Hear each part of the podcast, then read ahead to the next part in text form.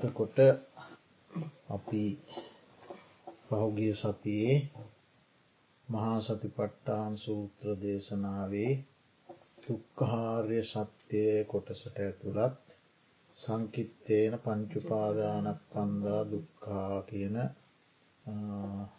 කොටස කාරණය මාතෘකා කොටගෙන එහි ඇතුළත් ධර්මකරම පිළිබඳ විග්‍රහයක් කළා.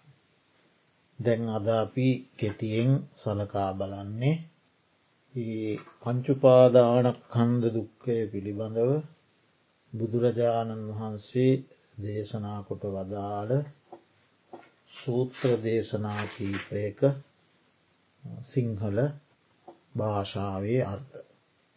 සංයුක්ත නිකායේ කන්ද සංයුක්ත කියන කොටසේ ඇතුළත් වෙලා තිබෙන්නේ බොහෝ කොට මේ පංචුපාදානස්කන්දය එහෙම නැත්තම් පංචස්කන්දය පිළිබඳව නොයෙක් නොයෙක් ආකාරයෙන් බුදුරජාණන් වහන්සේ දේශනා කළ සූත්‍ර දේශන. සංයුක්තනිකායි කන්ද සංයුක්තය. ඉතිං එහි එම සියලුමෝ සූත්‍ර අපිට එම එක දවසක හදාරන්න පුළුවන්කමක් නෑ බෝ සූත්‍ර තිබෙනවා අපි අද කීපයක් බල. න්න භාර සූත්‍රය කියලා සූත්‍ර දේශනාවක් තිබෙනවා භාර කියන බර බර පිළිබඳව කරන ලද දේශනාව. එතැදි බුදුරජාණන් වහන්සේ දේශනා කරනවා මහනෙන නුබලාට බරද බර ගෙන යන්නාද බර අල්ලාගෙන සිටින්නා උසවාගෙන සිටින්නාද බර බහා තැබීමද දේශනා කර. බර බර ඔසවාගෙන යන්නා ඒ වගේ බර දරාගෙන සිටීම සහ බර බිම තැබී කියන කරුණු හතර. තෝට බර කියල කියන්න මේ පංචුපාදානස්කන්දේ. මේ තමයි ලෝකයේ තියෙන බර අතර අත්ති විශාලතම බිම තබන්ඩ ඉතාමමාරු කොච්චර බරක් වුණත් බරක් කියලා තේරෙන්නෙත් නැති අති විශාලතම බර පංචුපාදානස්කන්දේ. ඉතින් ඒක බුදුරජාණන් වහන්සේ දේශනා කරනවා මහනෙන මේ බරනම් කවරෙක් දෙයක් පංච උපාදානස්කන්දයයි කිය යුතු වෙයි කියන්නට සුදුසු ඒක තමයි ලෝක තියෙන ලොකුම් බාර. කවර පහක්ද රූපෝපාදානස්කන්දය වේදනාවපාදානස්කන්දය සංඥාවපාදානස්කන්දේ සංකාරඋපාදානස්කන්දේ විඤ්ඥානුපාදානස්කන්දේ. මහනෙන මේ බාරහාර නැත්තම් මේ බරගෙන යනු ලබන්නා කවුද. කවුද මේ බරාරයි යන්නේ. පුද්ගලයා මේ ලෝකයේ ඉන්න සිය රහතන් වහන්සේලා ඇරුණකොට අනිත් මේ ඉන්න සියලූ පුද්ගලයෝ බරාරං යනයි. හෙම බරක් කරයි යන බව දන්නෙත් නෑ ඇරං යනවා ඔසවාගෙන යන පුද්ගලයා. මෙබඳු නම් ඇති මෙබඳු ගෝත්‍ර ඇති. අපි පුද්ගලය හඳුන්න නොන විවිධ නම්මනි විවිධ ගෝත්‍රවලින් ඒ නමකින් හැඳින්නුවත් ගෝත්‍රයකින් හැදින්වත් එයා තමයි මේ ඇරයියන් මේ අපි ගැන මේ කියන. බරක් තියෙන මේක ඇර යන. පුද්ගලය. භාරාදාන නම් කවරේද. එතකොට මේ බර අල්ලාගෙන ඉන්න. ග්‍රහණය කරගෙන ඉන්න. මේකට බැඳිලා එන්නේ. මේක බිම තබන්න බැර්රි විදිහට මේකට ඇල්ලිල්ලා අල්ලගෙන ග්‍රහණය කරගෙන ඉන්න කවුද. මොකකින්ද මොකකින්ද මේක අල්ලගෙනන්න. කොච්චර බරක් කියල දැනුනත් බිම තියන්ඩත්ද. ඇයි බැරි. සමහර වෙලාවල් ලොට දැන නොලට දුක් හැදුනම දුක් කරදර විපත් ඇරන මේක මහ බරක් කියලා දැනුනත් ආයෙත් අමතක වෙලා යනවා මේක බිමතියන්න බෑ. ඒ මොකද මේක අල්ලගෙනන්න යම් කිසි දෙක. මොකක්දේ අල්ලගෙනන්නේ. පුනර්භවය පිණිස පවතිනා නන්දිරාග සහකද වූ ඒ ඒ අරමුණෙහි ඇල්ලෙන්න ස්වභාව ඇති තෘෂ්ණාව. තෘෂ්ණාවෙන් තමයි මේක අල්ලගෙන ඉන්න තෘෂ්ණාව. නැවත නැවත නැවත නැවත භවයන්හි උපත ලබාදීමට හේතුවන ඒ ඒ අරමුණුවල ඇල්ලෙන රූපාරමුණේ ශබ්ධාරමුණේ ගන්ධාරමුණෙහි රසාරමුණෙහි පොට්ටබ්බාරමුණෙහි දම්ම සිතුවිලි දම්මාරමුණෙහි ඇලෙන අභිනන්දනය කරන සතුට ඇති කරවන ඇලීම ඇති කරවන තෘෂ්ණාව ඒකෙන් තම අල්ලඟින්. භාරනික්කේපය එකැන බර බහා තැබීම බර බිම තැබීම බරෙන් නිදහස්වීම කියන්නමකක්ද.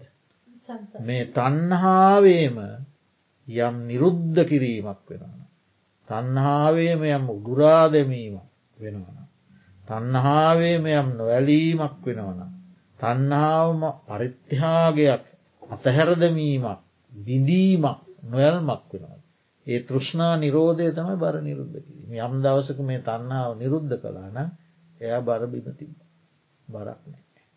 කියන එකයි බුදුරජාණන් වහන්සේ මේ සූත්‍රයේදී පංචුපාදානස්කන්දය පිළිබඳව දේශනා කළ.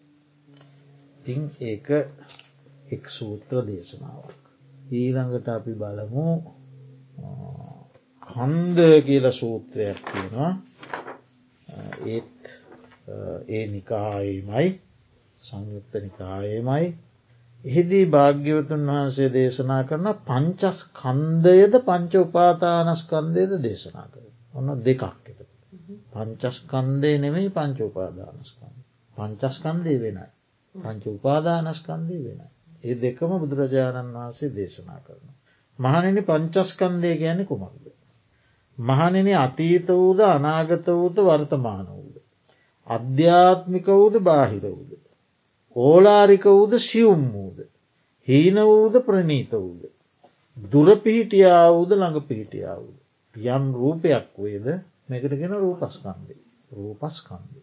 ඒ වගේම අතීත වූද අනාගත වූද වර්තමාන වූද අධ්‍යාත්මික වූද බාහිර වූද ඕලාරික වූද සිවුම් වූද හීන වූද ප්‍රනීත වූද දුරහිටියාවුද ළඟ පිහිටියාවුද යම් වේදනාවක් වේද එක වේදනා ස්කන්දය.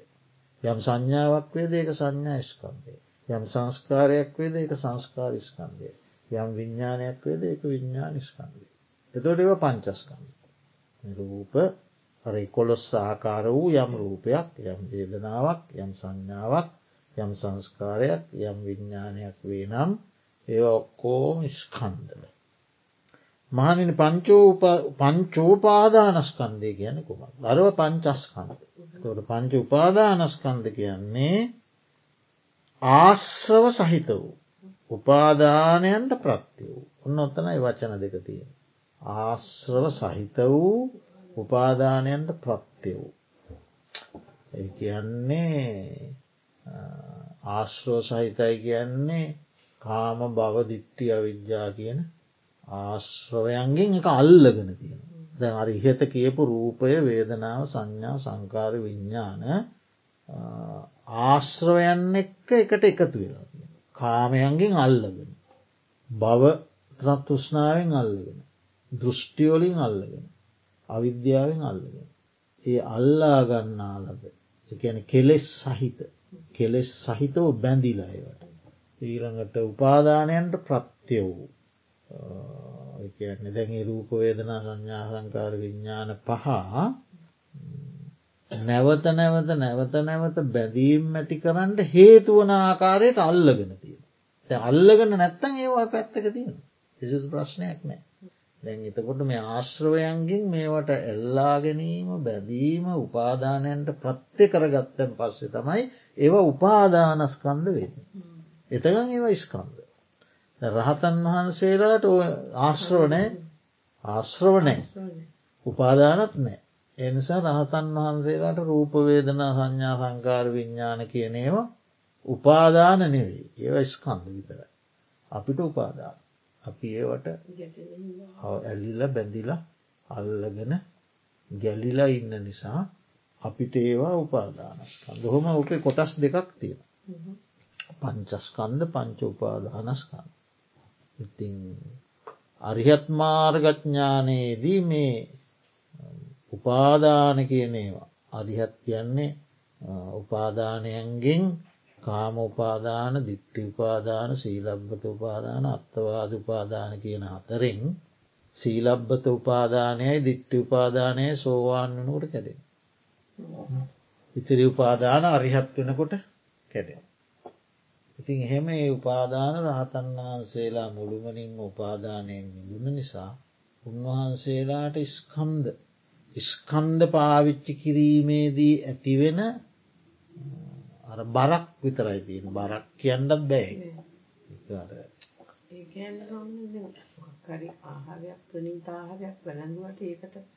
ඒවට නෑ. රූප දැක්කට රූපෝල්ට එම උපාදානයක් නෑ. වේදනා දැනුනට වේදනාවන්ට උපාදානයන් හඳුනාගන්නා දේවල් කෙරේ උපාදානයක් නෑ. චේතනාවන් පිළිබඳ උපාදානයක් නෑ. දැනගන්නා අරමුණු පිළිබඳ උපාදානයක් නෑ. උපාදානයන්ගින් මිදිලා. ඒ නිසා උන්වහන්සේලාට උන්වහන්සේලා බරබිම තියලයින්නේ. මේ කාලෙ ශ්‍රී ලංකාවන්න ඔක්කෝම උපාදාන ගොඩකින් අපිත් එහෙම තම උපාදාන. ඒවා අපිට තේරෙන්නේ උපාදාන කියලා නමුත් අපි හල කලා බැලුව කවුරු හරි ඔන්න අපි අපි ප්‍රිය කරන අපි ඒක සාකච්ඡා කරන අපි ප්‍රිය කරන දේශපාල නායකයකින්නවා. ඒ නායකයා පිළිබඳව ඔන්න අපි රූප සටහන් දකින. එතකොට ඒ රූප සටහන දැකීමෙන් අපි සුකවේදනාවක් ඇති කරගන්න. හරි එතකොට දැන්ගේ රූපයත් අපි උපාදාන කළා. ඒ එයා දැකීමෙන් ඇතිවෙන සැපවේදනාවත් උපාදාන කළා. ඊළඟට එයා දැකීමෙන් අපි අපි එයා කියලා හඳුනාගෙන සංඥාව ඇති කරගන්න. ඒ සංඥාවනුත් අපි උපාදාන හට ගන්න අපිට. ඊට පස්සේ ඒ පිළිබඳ නැවත නැවත චේතනා පහළ වෙන. ඔවත් උපාදාන. ඉති ඔය විදිහට අපි විඤ්ඥානයත් ඒකට යොදවන. එතකොට ඉතින් ඒ කෝම උපාදානයන් උපාදානයන් වෙමින් වෙමින් වෙමින් වෙමින් යන එකත් තමයි තිය. එතකොට කැමති නැකීක්තනාගේ එකක් දකිනකොට ඒක ඒක ඒකට උපාදාන උපාදාන්තමයි රැස් කර ඉතින් ඒක එක සූත්‍රයක්. ඔය විදිහට ඉතින් මේ බාහිර අරමුණුත් එක්ක කැටමින් හැප්පෙමින් උපාදානය රැස් කර කර යන ඒක තමයි තියෙන බර. හැබැයි ඒක බරක් බව දන්නේ ඒ මතක් වෙන්නෙත් නෑ තේරෙන්නෙත් නෑ ඒක ඒක ලොකු ලොකු දෙයක්. ආශ්වාදයක් සතුටක් කියල තම හිතේ වැදගත් දෙයක් කියලා. ඊළඟට අපි බලම කජ්ජනීය සූත්‍රය බුදුහාමුදුරු දේශනා කරන කජ්ජනීය සූත්‍රය. ඒක හරි බොහොම විදර්ශනාවට බර වූ සූත්‍ර දේශනාවක්. ඒ කියන්න දැන් නොඒ ආකාරයෙන් අතීතය සිහි කරන්න පුළුවන් භික්ෂුවක්. යට අතීතය සහි කරන්න පුළුව මේ ජීවිතයත් අතීතය සහි කරන්න පුළුව පෙරභවයක අතීත සහි කරන්න පුළ අතීත භවය. ඒ සිහි කරන්න පුළුවන් කෙනෙක් යමක් යමක් සිහි කරන්නේද. තැන් යට අතීතය සිහි කරන්න පුළුව. එයා යමක් යමක් සිහි කරන්නේද එයා සිහි කරන්නේම මේ පංචුපාදානස්කන්දයෙන් එක. ඒ සිහි කරන දේවල් වලට මේ පහට අමතර දෙයන්නේ. සිහිකරොත් කරන්නෙම මේන් එක. එක්කෝ රූපයක් සහි කරන. එක්කෝ විඳින ලද වේදනාවක් සහි කරන. එක්කෝ හඳුනාගත්ත සංඥාවක් සහි කරන. එක්කෝ අතීතයේ සිදුකරපු කායක්‍රියාවක් වාචසික ක්‍රියාවක් මානසික ක්‍රියාවක් සිහි කරන. හරි එම නැතන් චේතනාවක් සිහි කරන. ඒම නැත්තං අතීත විඤ්ඥානයක් අරමුණක් දැනගැනීමක් මං අහවල් දවසේ හවල් අරමුණ දැකත් හවල් අරමුණ දෙන විඤ්ඥානයක් සිහි කරන. අතීතය සිහි කරන යම් කෙනෙක් වේද එයා අතීතය සිහි කරනවා කියලා කරන්නේම මේ පංචුපාදානස්කන්දෙන් එකක් සිහි කිරීම. එක හයක් නෑ ඔය පහෙන් එකක් තමයි සිහි කරන්න. කොහොමද සිහි කරන්න අතීත කාලෙහි මම මෙබඳු රූප ඇතියෙක් වෙලා හිට. අන්න රූපස්කන්දය සිහි කරන. අතීතයේ මම මෙබඳු වේදනා ලැබුවා. කියල ලබපු වේදනාවස්සී කරන. අතීතයේ මම මෙවැනි සංඥාවන් ඇතුවේටිය සංඥාවක් සිහි කරන. මෙබුදු සංස්කාරයන් ඇති කරගත්ත කියල සංස්කාරයක් සී කරන. එව නැත්තම් විඤ්ඥානයක් සී කරන. ඉතින් ඊළඟට බුදුරජාණන් වහන්සේ දේශනා කරන මොකක්ද මේ රූපය කියන්නේ. හිලොන් රූපය කියන්නේ මොකක්ද කියල දේශනා කරන. බිඳෙන බැවින් රූපයයි කියනු ලැබේ. රූප කියන එක අර්ථය බිඳෙනවා. මේකට රූපය ගැන බිඳෙනවා කියන එක. රුප්පතීති රුප්පතීති විකාරයට පැමිණෙනවා කියන්නත් පුළුව. තිබුණත් පතත්වයෙන් විකාරතත්වයට වෙනස් තත්වයකට පත්වන ඇත්තම් බිඳෙනවා. බිද්දෙන නිසා රූපය කියන. එතකොට කුමකින්ද බිඳෙන්නේ. සීතලින් බිඳෙනවා. උස්නයෙන් බිඳෙනවා. බඩගින්න නිසා බිඳෙනවා. පිපාශය නිසා බිඳෙනවා. ඇළඟට විදල ලේබොන මැස්සො නිසා මදුරුවෝ නිසා බිඳෙනවා. හරි වාතය නිසා බිඳෙනවා. ඊළඟට තාපය නිසා අව්ව තාපය උණුසුම උණුසුම නිසා බිඳෙනවා. ඊළඟට දීර්ග දිගඇති සර්පාදී සත්වය ගෝනුස්ස සර්පය ඒගොල්ලො විදීමෙන් එක බිඳිලයන. මේ විදිේ විවිධාකාර හේතුවන්ගෙන් බිඳෙන දෙයක්. ඒ නිසා මේකට රූපය කියල කිය. ඉළඟට බුදුහාන්දුරහන මොකද මේකට මේ වේදනා කියන්නේ. විඳින බැවින් වේදනාය කියනු ලැබී. කුමක්ද විදින්නේ. එක්කෝ සැපය විඳිනවා එක්කො දුක විඳෙනවා එක්කෝ උපේක්ෂාව විඳිනවා. එනිසා මේකට වේදනා කියන. කවර කරුණකින් සංඥාව කියන්නේද. හඳුනාගනී කියන අර්ථයෙන් සංඥා කියන. මොනවද හඳුනගන්න. නිල් හඳුනනවා කහ හඳුනනවා ලේ හඳුනනවා සුදු හඳුනනවා. මෙ විදිහට විවිධ වර්ණ සංගටක හඳුනාගන්න. එනිසා සංඥා කියලගෙන හඳුනවා. දොට බිඳෙන නිසා රූපය විඳිනු ලබන නිසා වේදනාව හඳුනාගනු ලබන නිසා සංඥාව. කුමක් නිසා සංස්කාර කියන්නේද. සංකතකොට අභිසංස්කරණය කරන. ඒ කියන්නේ චේතනා සමග තවත් හේතු සාධක එකතු කරගෙන මේ චේතනාව තවත් හේතු සාධක එකතු කරගෙන රූපයක් පිළිබඳව සංස්කරණය කරන. නැවත රූපයක් පිළිබඳ සංස්කරණය කරන. නැවත වේදනාවක් පිළිබඳ සංස්කරණය කරන. නැවත සංඥාවක් පිළිබඳ සංස්කරණය කරන. නැවත සංස්කාරයක් පිළිබඳව සංස්කරණය කරන. විඤ්ඥානයක් පිළිබඳව සංස්කරණය. එතවට මේ සංකාර කියල ැන නිතරම චේතනාව. තවත් දේවල් එක්ක මිශ්‍ර වෙලා සංස්කරණය කරන. හදනවා. හරිද. හේතුූන් හේතුූ හේතුූන් එකතුවී සංස්කරණය කරන. තව දෙයක් නිපැීම සඳහා. තව රූපයක් නිපදවන්ට වේදනාවක් නිපදවන්ට සංඥ. තවත් පංචුපාදානස්කන්දය නිපදවීමට සංස්කරණය වෙන සංස්කාර කිය සංස්කාර. සංස්කරණය කිරීම චේතනාවෙන් ඒක තමයි කරන්න. තව ඉදිහකට කිවොත් අකුසල සංස්කරණය කරන කුසල සංස්කරණය කරන හරි? එනතම් දෙහාන සංස්කරණය කරන තව ඉදිහකට කිව්වොත් පින සංස්කරණය කරන පව සංස්කරණය කරන නැවත නැවත නැවත නැවත ඒව හටගන්න සංස් ඔව භවය සංස්කරණය කරන. තවවිදියකොට කිව්වොත් කායික ක්‍රියා සංස්කරණය කරන. කායකර්ම වචීකරම මනෝකරම. කායකර්ම වචීකර්ම මනෝකර්ම සංස්කරණය කරන. මොකෙන්ද. චේතනාව චේතනාවට විතරක් කරන්න බෑ. ඒකට අදාළ චේතනා මුල් වෙනවා. අදාළ අනිත් දේවල් උපකාරක ධර්ම එකතු කරගෙන කායකර්ම වචීකර්ම මනෝකර්ම සංස්කරණය කරන ඒකට ගෙන සංකාර. ඊළඟට විඤ්ඥාන කියලා කියන දැනගන්නේ. මොනවත් දැනගන්නේ.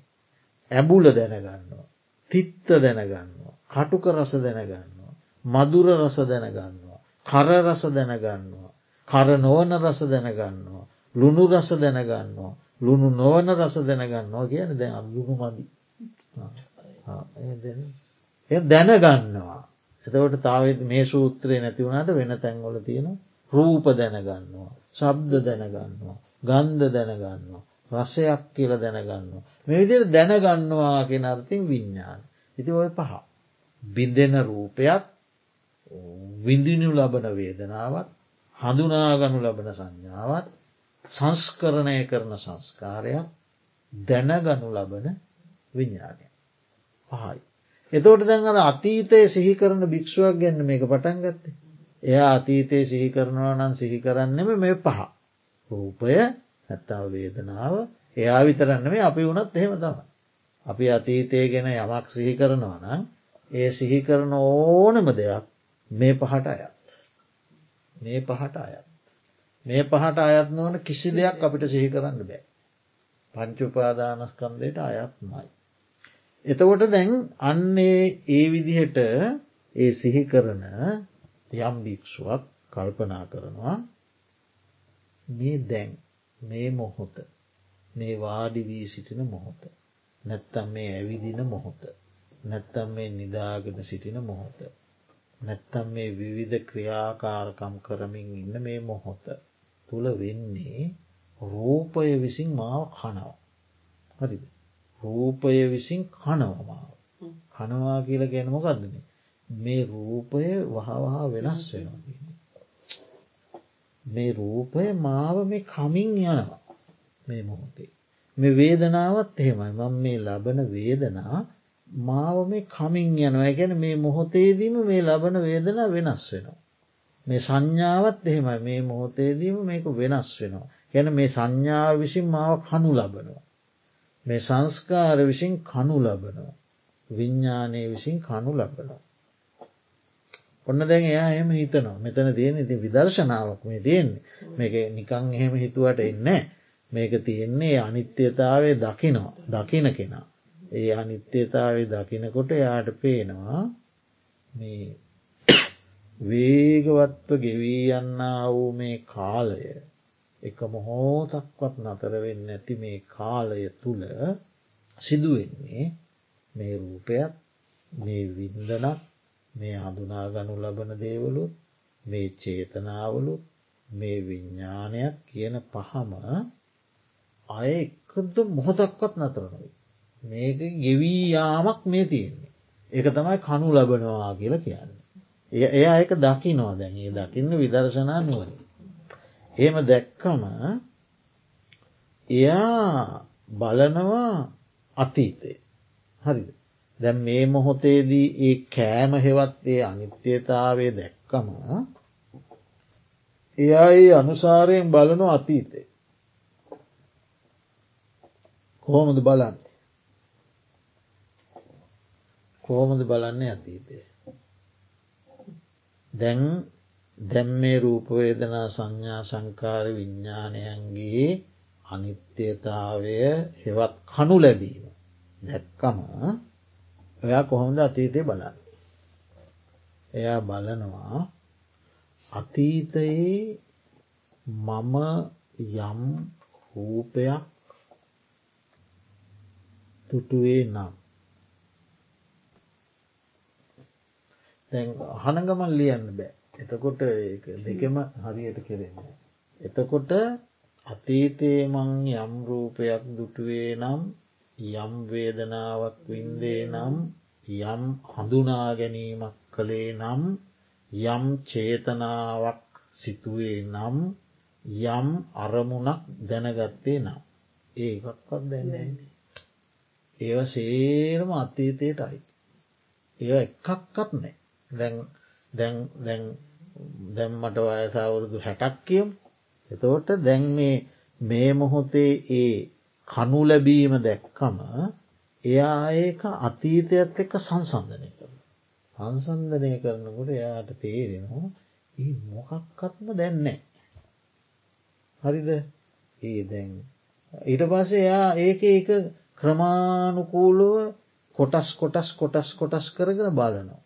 ඒ මෙහෙම ගිය අවුරුද්ධ හොමෝම ඇවිල්ලා ඊයේ දවස හරි ඒ දවසට බලනවා. ඒ දවස තුළ මන්දුටුදේ මං ඇසූදේ මං විඳින ලදදේ මම විඳින ලද ගන්ධ සුවඳ මම විඳින ලද රස්ස මම විදින ලද ස්පර්ස මගේ හිතේ හටගත් චේතනා ඒවා එකක්කත් දැන්නේ. එතකොට එහෙමන අතීතයේ සිදු උනේත් මේ කෑමම තමයි. අතීත සියලූම සංස්කාරය මව කාල දැම්ම. ඇද වයස හැටක් නම් එය දකිනවා හැට වසරේම මේ රූපවේදනා සංඥා සංකාර විඤ්ඥානවලින් වෙලා තියෙන්නේ මාව කාල දෙකන්න. අන්න එයා එහෙම අතීතයේ බලන. අතීතයේ පුරාවටම මේ කාලා දැමීම තමයි සිද්ධ වන. කනු ලැබීමි දැන් කනු ලබනවා අතීතය කනු ලැබීමි අතීතය බලන. ඊට පස්සේ ඒ අනුසාරයෙන් බලන අනාගතය. දැන්තියෙන්නේ කනු ලැබීමක් නම් අතීතයේ සිදු වනේ කෑමක් නම් කනු ලැබූයේ නම් අනාගතයේදීත් සිදුවෙන්නේ මීට වැඩිය දෙයක් නන්නේ. මෙපමණම තමයි. මේ හැටේදී වෙච්ච සිද්ධිය තමයි ඉතිරි ටික කාලෙදිත් වෙන්නේ අයි මීට වැඩිය යමක් වෙන්න දෙයන්නේ. ජීවත්වෙන්න හැත්තෑවයි කියමුක අසූවයි කියමුක. දැන් හැටක් ගෙවිලා. දා විස්ස ඔය හැටේදී වෙච්ච සිින්දුවම තමයි ඒ විස්සදි වෙන්නේ. රූප බලනවා නැතිවෙනවා සද්ධානවා නැතිවෙනවා ගඳ සුන්දන්න නැතිවෙන රස දන්න නැතිවෙන ස්පර්ස ලබනෝ නැතිවෙන සිතුවිලි හට ගන්න නැතිව. ඒ සිද්ධ වෙන්න කෑමක්ම තමයි. එතුට මේක කනු ලැබීම තනිකරම කනු ලැබීම. ඊට පස්සෙ දැන්ගේ මොකද කරන්නේ මේ විදියට ප්‍රත්‍යවේක්ෂා කරලා අතීත රූපයෙහි අපේක්ෂා අතහරිම. දැයක වැඩන්න. හරිද. ඒක ගැන අපේක්ෂාවත් තබාගෙන වැඩන්න එක ගෙවිලත් ඉවරයි. ඒව ඇත්තෙත් නෑදැ. ඒවා විඳලා ගෙවිලා ගිහිල්ලත් ඉවර දැන්ගේ මොකුත් මේ ආසන්නේවත් නෑ. හරිද. එතකොට එයා ඒක පිළිබඳ අපේක්ෂා අතහරින. අනාගත රූප පාර්ථනා කරන්නේ. අතීතය පිළිබඳ අපේක්ෂාතහරනවා අනාගතය පාර්ථනා කරන්නේ. තකොට වර්තමානය පිළිබඳ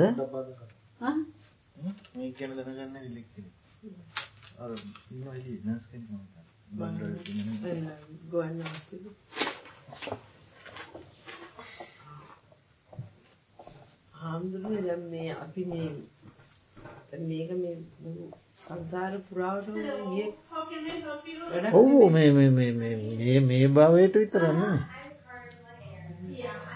අතීතේ ඒ මේක අතීතය සීකරන්න පුළුවන් භික්ෂුවක් කිව්වම මේකට මේ මේ පෙරවිසූ කඳ පිල්ලීවලම අවශ්‍ය නෑ එහෙම කෙනෙකුට තවලේසි පෙරවිසූ ස්කන්දයන් දකින්න පුළුවන්.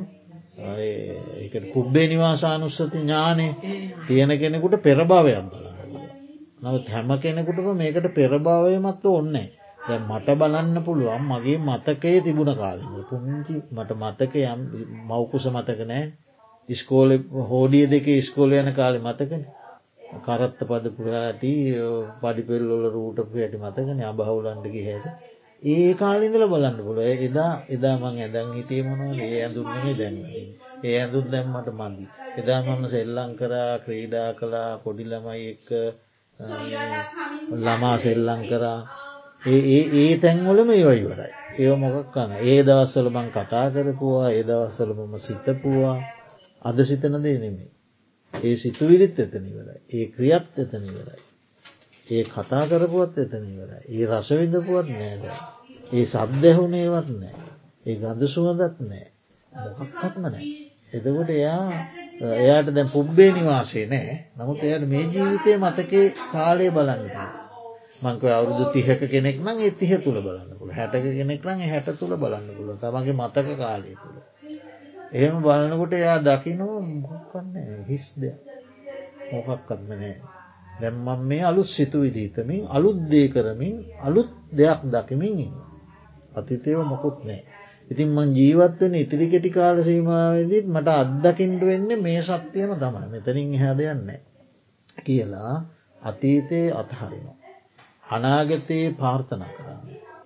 උන සිදුවෙන දෙයක් වේ කියන මට අවශ්‍ය කරන ආහාර ලැබෙයි. මට අවශ්‍ය කරන වාසස්ථානය ලැබෙයි. මට අවශ්‍ය කරන වස්ත්‍ර ලැබෙයි. මට බෙහෙත්තේත් ලැබෙයි. එයාට ඒ ලදදේ ප්‍රමාණවත් ඊට පස්සේ. අලුත් බලාපොරොත්තු නෑ මේක පවත්වාගණ්ඩ අවශ්‍ය දෙයක් ලැබුණාම එයාට ප්‍රමාණවත්. හරි? ඊට පස්සේ අනාගතය පිළිබඳ හෙම පාර්ථනා නෑයිටහා. අතුට අතීතය බලාපොරොත්තු නෑ? වර්තමානය පිළිබඳ වර්තමානය පිළිබඳ නොවැල්ම වර්තමානය නොවැල්ම පිණිස. ඊළඟට වර්තමානය කල කිරීම වර්තමානය අතහැරීම පිණිස. වර්තමානයේදීම නිරු නිවෝ නිරුද්ධවීම පිණිස අවශ්‍ය කරන මාර්ගයට වැටෙනවාය මේක වැඩන්න ඇද මේ හැටම එපා මේ ඉදිරියත් ඕන්න ඉදිරි වෙන්න මේ ටිකම මේ හැට ආපු ටිකම තම වෙන්නේ. එනිසා දැන් එයා බලන්න මේ දැන් මේ මොහොතේ නිරෝධයට අවශ්‍ය කරන මාර්ගය කුමක්ද. ඒ සඳහමන් කළ යුත්තේ කුමක්ද. ආශ්‍රය කරමින් මොකක්ද මම වහා වහාම වහවහාම කළ යුත්තේ කියන මෙතනින් එන්න කලකිරීම නිබ්බිදාවෙන්නේ. ඒ කලකිරීමත් එක මාර්ගය සොයන්න පෙළබෙන. මාර්ගය සොයන්නට පෙළබෙන. එතකොට එතෙන්ද ඉතාම වැදගත් වෙනවා ඒ ඒ මාර්ගය සොයන්නට සුදුසු වට පිටාවකිදී. හරිද. ඒ මොකද ඒ ඒ ඒ වටපිටාවේ කියන්නේ ඒකට කියන්නේ පරිසරයන. පාරිසරික සාධක. එතකොට ඒ ඒ පරිසරයේ ඉන්නකොට දැන් ඒ පරිසරයේ කතා කරන්නෙත් මේකන දැ මේ නිවේ නිර්වේදයට හේතුවන දේවල් ඊනගට මේ කලකිරීමට හේතුවන දේවල් මේ පංචුපාදානස්කන්දය පිළිබඳව මේක තියෙන බර පිළිබඳව මේක තියෙන දුක පිළිබඳව. එතකොට දැන් එයාට අර එතන ඒ වැඩේට ප්‍රත්තියයයි හරිද? එහෙම නැතුද අපි මෙතන මෙහෙම කතා කරනවා කතා කරලා ඊට පස්සේ ආපහු මේ කතා කරන එකත් හොඳයි. ඒ කතා කිරීමෙන් අපි යම් කලකිරීමක් ඇති කර ගත්තට අපි තාම කෙලෙස් සහිතයින. ඒ නිසා ආපහු අපි ගිහිල්ලා ඉතින් දේශපාලන කතාවකට ඔය මෝකට හරි අවතීරණ වනාම මේ කාය නෑ එක තම ඇත්ත. ඉතින් අර අරම පරිසරයකදී අපිට මේකින් යන්ඩ බෑ. මේකෙම ඉන්ඩ වෙනවා. ඉන්ඩ ඕනේ. මොකද අපිට බාහිරින් ඒ පිළිබඳව කතා පවෘති ඇහෙන්නේ නෑ. අපිට මේ වගේ මාතෘකාමනය අපි කතා කර එතවට එක රැඳිලා ඉන්න පුළුවන්. ඉතින් අන්න ඒසා මෙන්න මේ විදිහට බලනවා කියන එක මේ කජ්ජනීය සූත්‍රයෙන් බුදුහාමුදුරුව දේශනා කරනවා. කනු ලබනවා කියන අර්ථය. ඉතින් ඔය විදියට පහටම බලනවා. අතීත රූප අතීත වේදන අතීත සංඥා අතීත සංස්කාර අතීත විඤ්ඥාන. වර්තමාන රූප වර්තමාන වේදනා වර්තමාන සංඥා වර්තමාන සංස්කාර වර්තමාන විඤ්ඥාන. අනාගත රූප අනාගත වේදනා අනාගත සංඥා අනාගත සංස්කාර අනාගත විඤ්ඥා. එ පහ අතීත වර්තමාන අනාගත. එහෙම බල්ලා අතීත අර පහම අත්හැර. අනාගත පහ බලාපොරොත්තුන. ප්‍රාර්ථනා කරන්න පාර්ථනා කරන්නේ.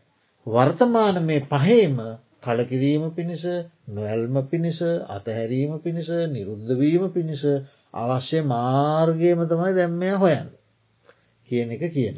ඉට පස්සේ බුදුරජාණන් වහන්සේ දේශනා කරනවා ඔන්න දැන් ඒටික දේශනා කළ අහනුව මහන් මොකද හිතන්නේ රූපය නිත්‍යයද අනිත්‍යයද කියලා හනවා. එතකොට භික්‍ෂූන් වහන්සේලා කියන ස්වාමීණය අනිත්‍යය. මහන්නේ යමක් අනිත්‍යය නම් දුකද සැපද. ස්වාමිනි දුකයි. මහන්්‍යයමක් අනිත්‍යය නම් දුක් නම් තිබූතත්වයෙන් වෙනතත්වයකට පෙරලී යනවනම් ඒක මගේය මම වෙමි මාගේ ආත්මය කියල ගැනීමට සුදුසුද. ස්වාමිනි සුදුසු නෑ. මහනෙන අන්න ඒ නිසා අජ්ජත්තික වේවා බාහිර වේවා ඕලාරික වේවා සිවුම් වේවා හීන වූවා ප්‍රනීත වේවා දුරවේවා ළඟවේවා යම් රූපයක් ඇත්නම්. යම් වේදනාවක් ඇත්නම්. යම් සංඥාවක් ඇත්නම්. යම් සංස්කාරයක් ඇත්නම්. යම් විඤ්ඥානයක් ඇත්නම් එසිියල්ල. මාගේ නොවෙයි මම නොවෙයි මාගේ ආත්මය නොවේ යැයි ඇත්ති සැටියෙන්ම. සම්මයක් ප්‍රඥාවෙන් දැන ගණ්ඩ ඕන කියල එක දැන ගණ්ඩ ඕනැයි කියල කිය. ඒක දැනගත යුතු. මේක දැනගන්නේ භාවනාවෙන් ඔවු අනුමාන ඥානයක් අපිට ලබාගණ්ඩ පුළුවන් කියැන සුත්තමය ඥානෙ ඉගෙන ගැනීමෙන් සාකච්ඡා කිරීමෙන් අපිට ලැබෙන සුතමය ඥානය. අසා දැනගත් නුවන. ඒ අසා දැනගත් නුවන විවේක තැනකට වෙලා මේ කරුණු පිළිබඳ මෙනෙහි කරන. මෙනෙහි කරනකොට අපිට ඇතිවෙන චින්තාමය සිටීමෙන් ලැබෙන ඥාන. එතවට දැන් සුතමය ඥානය තියෙන අසාධනක. සිතීමෙන් ගත්ත චින්තාමයක් තියෙන. ඒ දෙකම තියෙන එක පාවනාවට පහසු. එටස භාවනාවෙන් අපි මේක මේ මේ මේ මේ මොහොතේ වෙන හැටි දකිනෝ. මේ මේ මොහොතේ වෙන හැටි ඇසීමෙන් දකිින්ට බෑ. හරිද. සිතීමෙන් දකිින්ටත් බෑ. ඒ දැකීම් දෙකක් ඒ ඒ දැකීම් දෙකත් හොඳයි ඒක වෙනස්. ඊට වඩා ප්‍රත්‍යයක්ෂදේ තමයි භාවනාවෙන් දකින. තමාතුළින් දකින. එට භාවනාවේදී වෙන්නේ අර සුත්තමය ඥානයෙන් ඇසූදේ අසාලබාගත්ත සුතමය ඥානයක් නුවනින් මෙනෙහි කිරීමෙන් ලබාගත්තා වූ චින්තාමය ඥානයක් දෙක ප්‍රත්‍යයක්ෂ වෙන. අර දෙක ප්‍රත්‍යයක්ෂ නෑ හරිද ඒක අපි කියමු අපි දඹදිව ගැන කෙනෙක්ගෙන් අහගන්න දැ මේ නොන මහත්ත අහගෙන තියෙන දඹදිව ගැන අහගන්න. ඊට පස්සේ ඔන්න ඒ ආගන්නකොට මම කියලත් දෙනවා මායාසුතෝ සුගත සාකය සීයනාතෝ මෙහෙම බුදුරජාණන් වහන්සේ ඉපදුම බුදුම ප්‍රථම ධර්ම දේශනාව කළ පරිනිර්වාණයට පත්වන තැන් මෙහෙම තියෙනවා ඒ තැන්වල වඳින ගාතා මෙන්න මේවාය කියලා කියල දෙෙන. එතෝට දැන් එක අහගත්තනේ අහල දැනගත්තා. ඒ අහල දැනගෙන ඉතින් නිවාඩු වෙලාවල්ල අහගත්තදේ කල්පනා කරනවා. මෙහෙඉදල් ප්ලෑන් කරනවා දැන් මේ ගිල්ල මොංගල ස්වාමින් වහන්සකිව මේ තැන්ගොල්ට යනවා මං වඳිනවා මේ ලියල දුන්න ගාතාත් බලනවා. ඒවත් පාඩන් කරගන්න එතවට ඥාන දෙකක් තියෙනවද ඇසුවා එක ගැන කල්පනාත් කළා. විවිධාකාරය ඉටහස දඹදිවට යනවා. ගියම් පස්සේ දැන් මේක ප්‍රත්‍යයක්ෂ කරගන්න මේකන මේ ඇහුවි. මේවන ම මේ ලියල දුන්නට වගේ පාඩන් කරේ. මේ තියෙන්නේ ඉපදුණු ලුම්බිනි.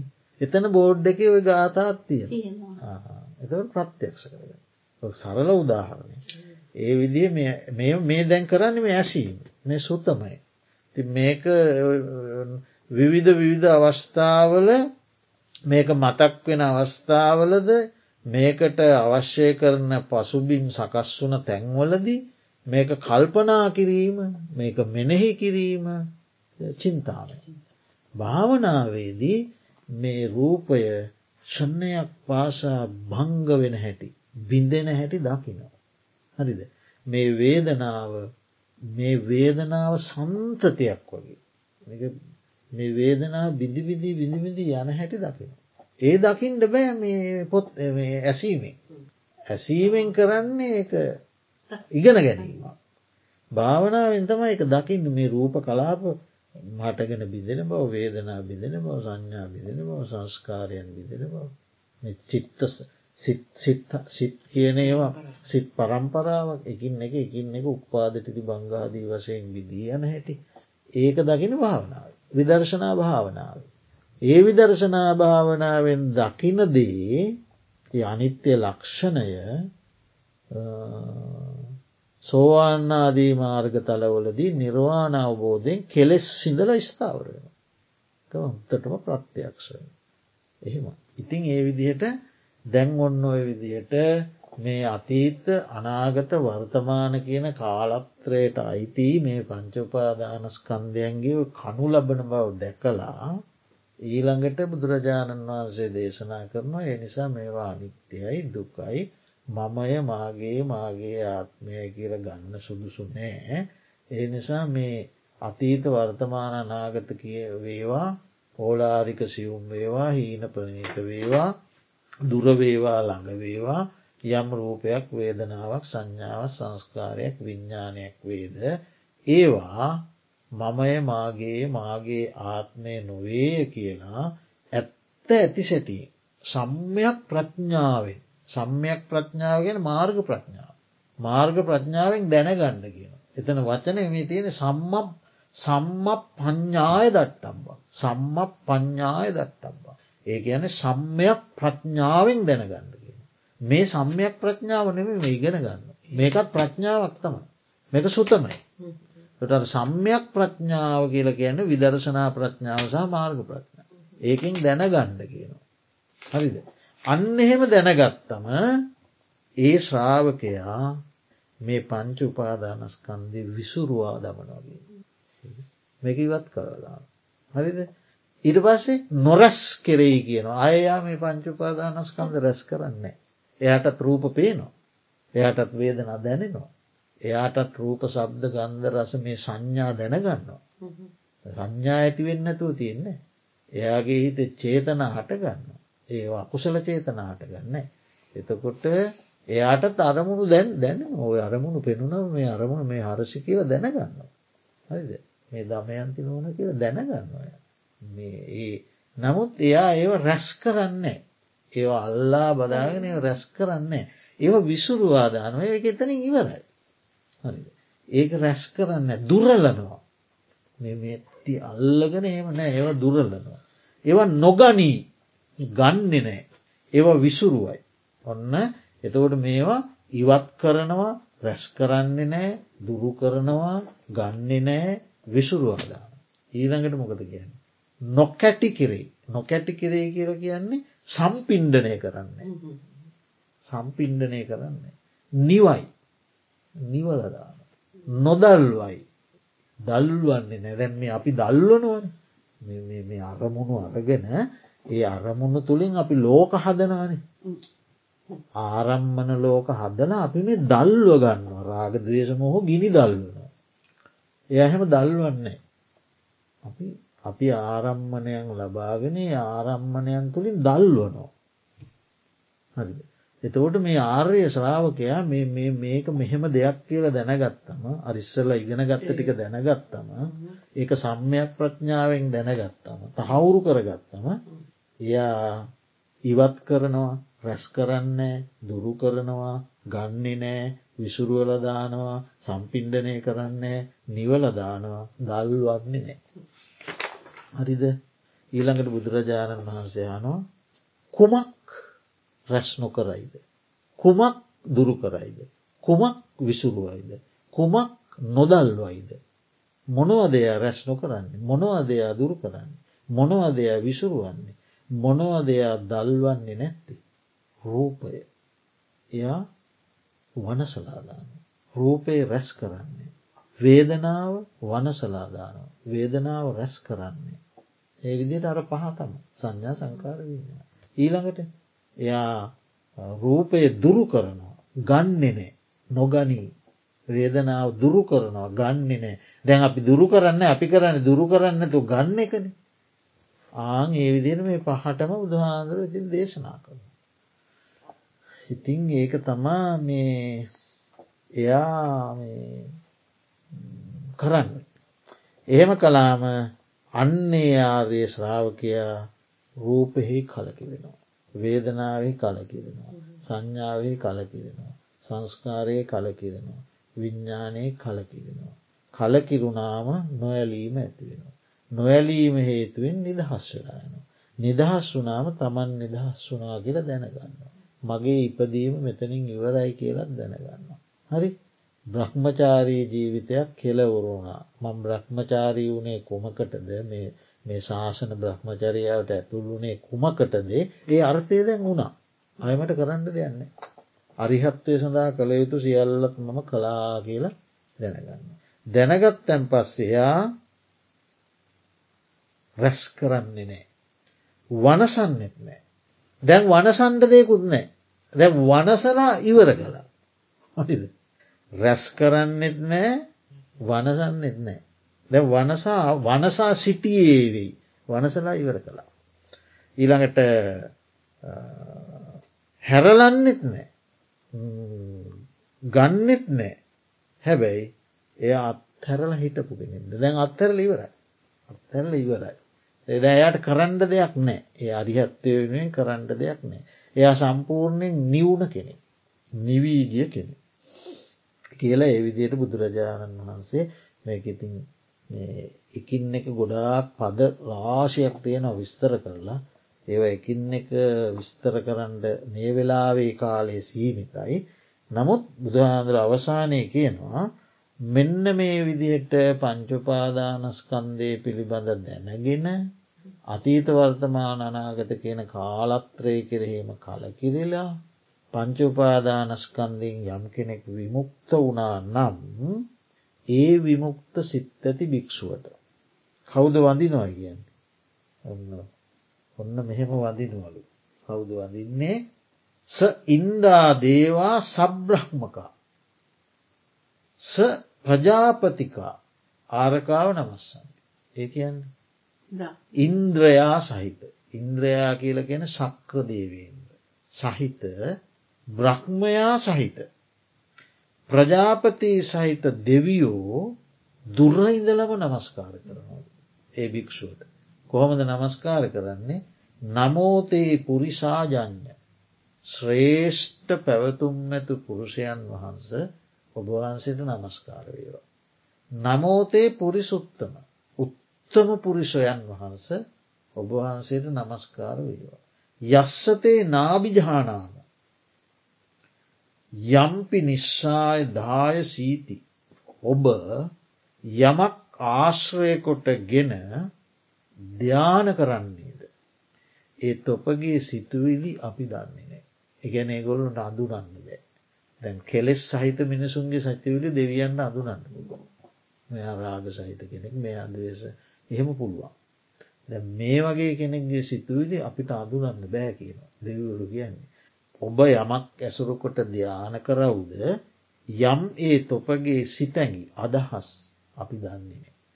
පුරුෂ ශ්‍රේෂ්ඨයානිනි තොපට නමස්කාර වේවා. පුරුෂෝත්තමයානිනි උතුම් පුරුෂ කියනෙ.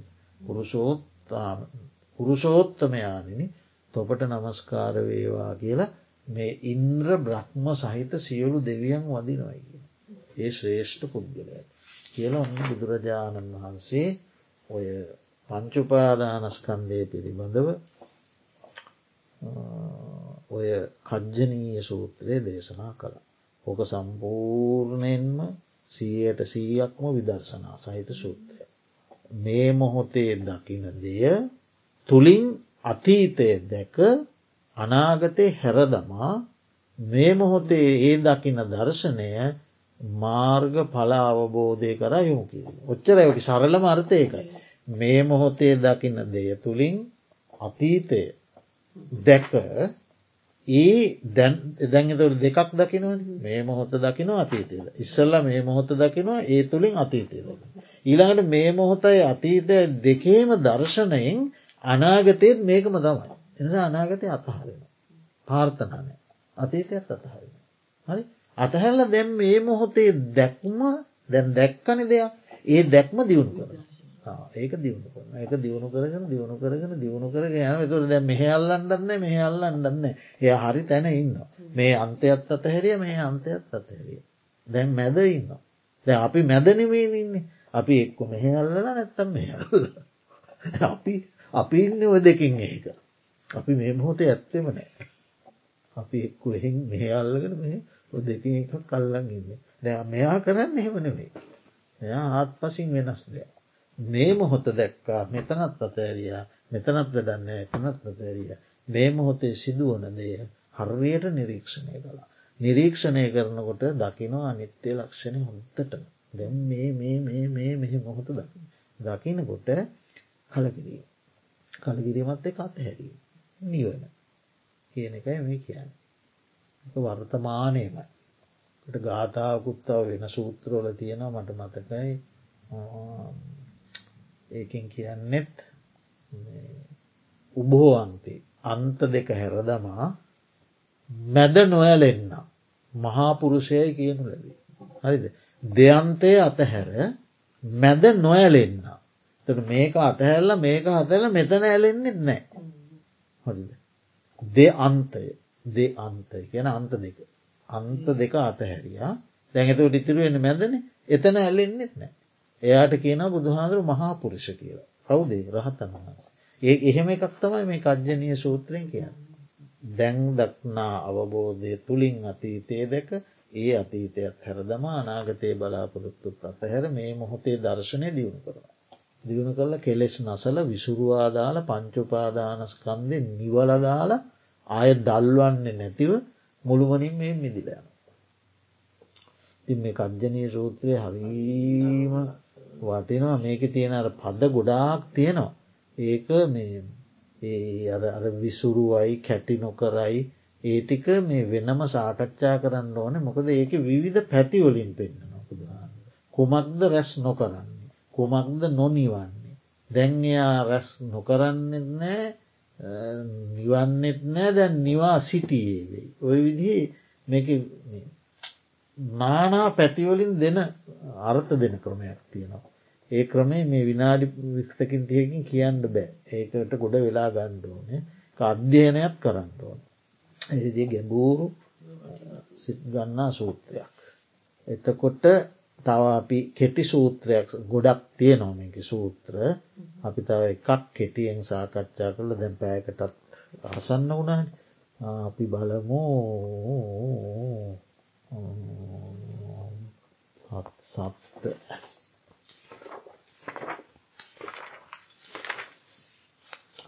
සත්ත සූත්‍රය සාකච්ඡා කරමු.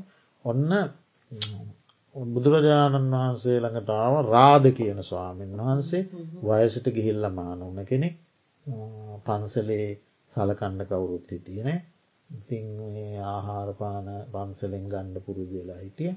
ඉතින් පස්සේ දවසක් බුදු ආන්දුරමයාගෙන් එහ මොකද රාධනික සුදු මැලි වෙලා වගේ අනිස්වාමීනි මං මහන එන්න කැමති. මං ඉතින් කීප දෙනකට කිව්වා මේකට වැඩි සැලකිල්ලක් ලැබුන්නෑ කියලා මං හරි ආසයකව මහනවෙන්. බුදුහාන්දුරෝ ඇහුව මේ මහනෙන මේ රාධ නොබලා කාට හරි උදව් කරලා තියෙනවද කියලා. සාරිපුත්ත මහරාතන් වහන්සේ දේශනා කළ මම දවසක් පින්ඩ පාති වටිනකොට මට බත්හැන් ලබ්බෙදර තියෙනවා කියරමයා. සාරිපුත්ත ඔබ කොල්ලගුණ දන්නා කෙනෙගේ බත්හන්දත් මතක තියන් හිටිය. ඒ නිසා මෙයා මහන කරගන්නෙකව මෙයා විශේෂ කෙනෙක් වෙනවද. ඇස මහන කලා මහන කල්ල සැරියුත් මහරාතන් වහන්සිති මෙයාට ඉගෙන ගන්න කාලෙකුත් නෑ භාවනා කමටහනක් දීල උදව් කළා විවේක තැනකට එක්කන් ගිල්ල භාවනා වඩන්න උපකාර කළා. නොබෝ දිනකින්ම රහතන් වහන්සේ නමක් වුණ. ඒ රාධස්වාමීන් වහන්සේ බුදුරජාණන් වහන්සේ ගෙන්හන මේ රාධසාහන් වහන්සේ කේක දෙය අහල තියෙනවා. බුදුරජාණන් වහන්සේගෙන් පුද්දුම කරුණු හා මාරයා කියන්න කවුද සත්ත කියන්න මොකක් දැ මෙතන හන සත්ත මෙ මේ විදිහේවමතම අහන්නේ. අහනව භාග්‍ය ස්වාමීණී භාග්‍යවතුන්නාද මේ සත්ත සත්ත කියලා කියන. මොකද මේ සත්ත කියලා කිය සත්වයක් මොකද සත්ත සත්ත කියලා කියන හතේ ඉලක්කමටත් කියනවා. සත්වයාටත් කියනවා. ඇලුනා කියන අර්ථයටත් කියන. ද මේ පංච උපාදානස්කන්දේ ඇලුන නිසා තම අපිට සත්වයෝ කියන්න. පහකට ඇලිලයින්න. මේ අහන්නේ සත්ත සත්ත කියලා කියනවා. මොකටද මේ සත්ත කියන්නේ කිය. ඉතින් මේ බුදුරජාණන් වහන්සේ දේශනා කරන රාධය රූපයේ යම් කැමැත්තක් යම් ඇල්ම යම් සතුටක් යම් ආශාවක් වේද. එහි ඇලුනේය එහි දැඩිව ඇලුනේය. එහින් සත්ත කියල කියන. හරිද රූපයෙහි යම් ඇල්මක් යම් සතුටක් යම් ආශාවක් වේද. එහි ඇලුනේය එහි දැඩිව ඇලුනේය කියන අර්ථයෙන් සත්ත කියලකි.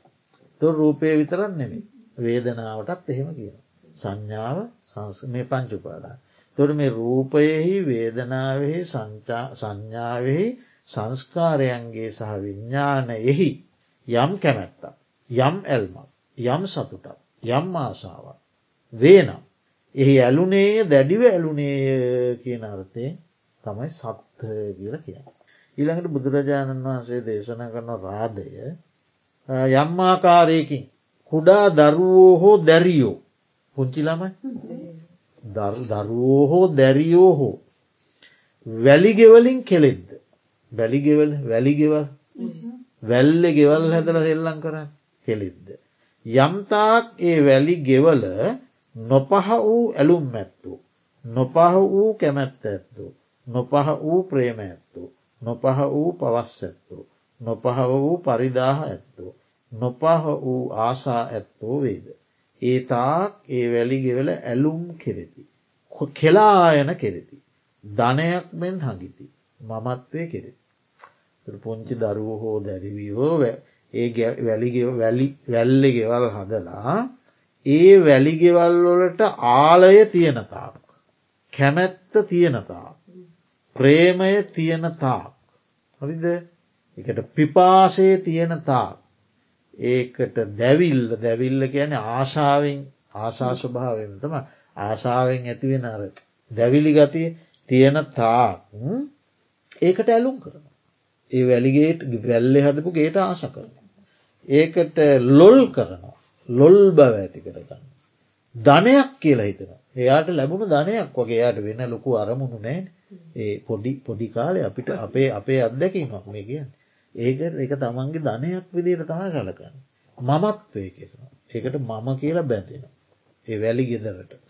රාදේ යම් කලක කුමරුවෝ හෝ කුමරියෝ ඒ දරුව හෝ දැරවියෝ ඒ වැලිගෙවල්වල තියෙන කැමැත්ත දුරුණාන.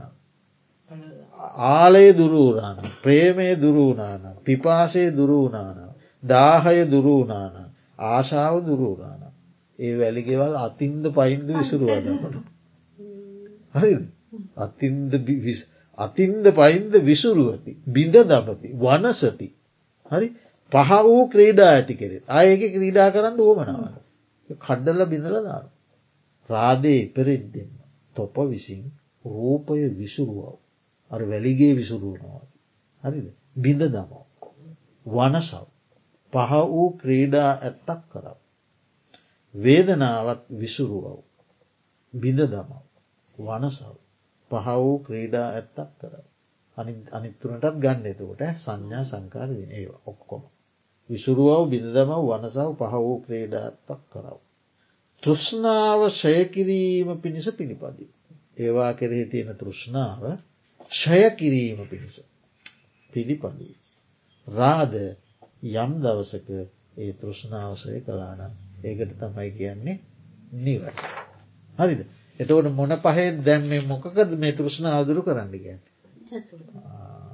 ඒකට තියෙන තෘෂ්ණාව ෂය කළොත් මේක විසුරුවන්ට කියන බිඳ දමන්ට කියන වනසන්ට කියන ආසාාව නැති කරල දාන්න කියන ෂය කරලා දාන්න කියන ෂය කිරීම ප්‍රතිපදාවට බැසගණ්ඩ කියන. එහෙම බැසගෙන යම් දවසක මේ තෘෂ්ණාව මේ පහ කෙරේ තියෙන තෘෂ්ණාව දුරු කරන්න නේද ඒකම තමයි රාද නිවන. එතෝට එය සත්වයෙක්ද එයා සත්ව සංඥාව නෑ. ඇයි එය ඇලුන කෙනෙක් නෙමි. තොට සත්ත කියලා කියන ඇලුන කියන අර්ථය. ඇලුනේ දැඩිව ඇලුනේ. හරිද යම් කෙනෙක්කේ තෘෂ්ණාවශය කලා නම් එයා සත්ව කියන සංඥාව නැති කළ කෙනෙක්. ඒ සත්ව කියන සංඥාව නැති කළ කෙනෙක් අය උපදිනවාද උපදින් නැද්ද කියන මොන ප්‍රශ්නයක්වත් දෙන්නේ. හරි උපදිනවාද කියන ප්‍රශ්නයත් අදාලනය උපදින්නේ නෑ කියන මොකක්වත් අදාලනය ඒ සත්ත නෙමේ සත්ත සංඥා පුළුමන ඉක්මවාගේගෙන. ඉතින්නම් කොච්චර පංචුපාදානස්කන්දය ගැන තියෙනවද සූත්‍ර. මේකට අමතරෝ මේ සංයුක්ත නිකාය කන්ද සංයුක්තය බොහෝමයක් තියෙන් පංචුපාදානස් මීට අමතරව තව අනිත් නිකායවලක් තියෙන. ඉතින් මේ මා සූත්‍ර ලියාගෙන අද කියල දෙන්න හිතන් හිටිය. එකයි දෙකයි තුනයි හතරයි පහයි හයයි හතයි අටයි සූත්‍ර දහයක්. දහයක් මං හිතන් හිටිය. නම දෙකයි කියන්න පුළුවන්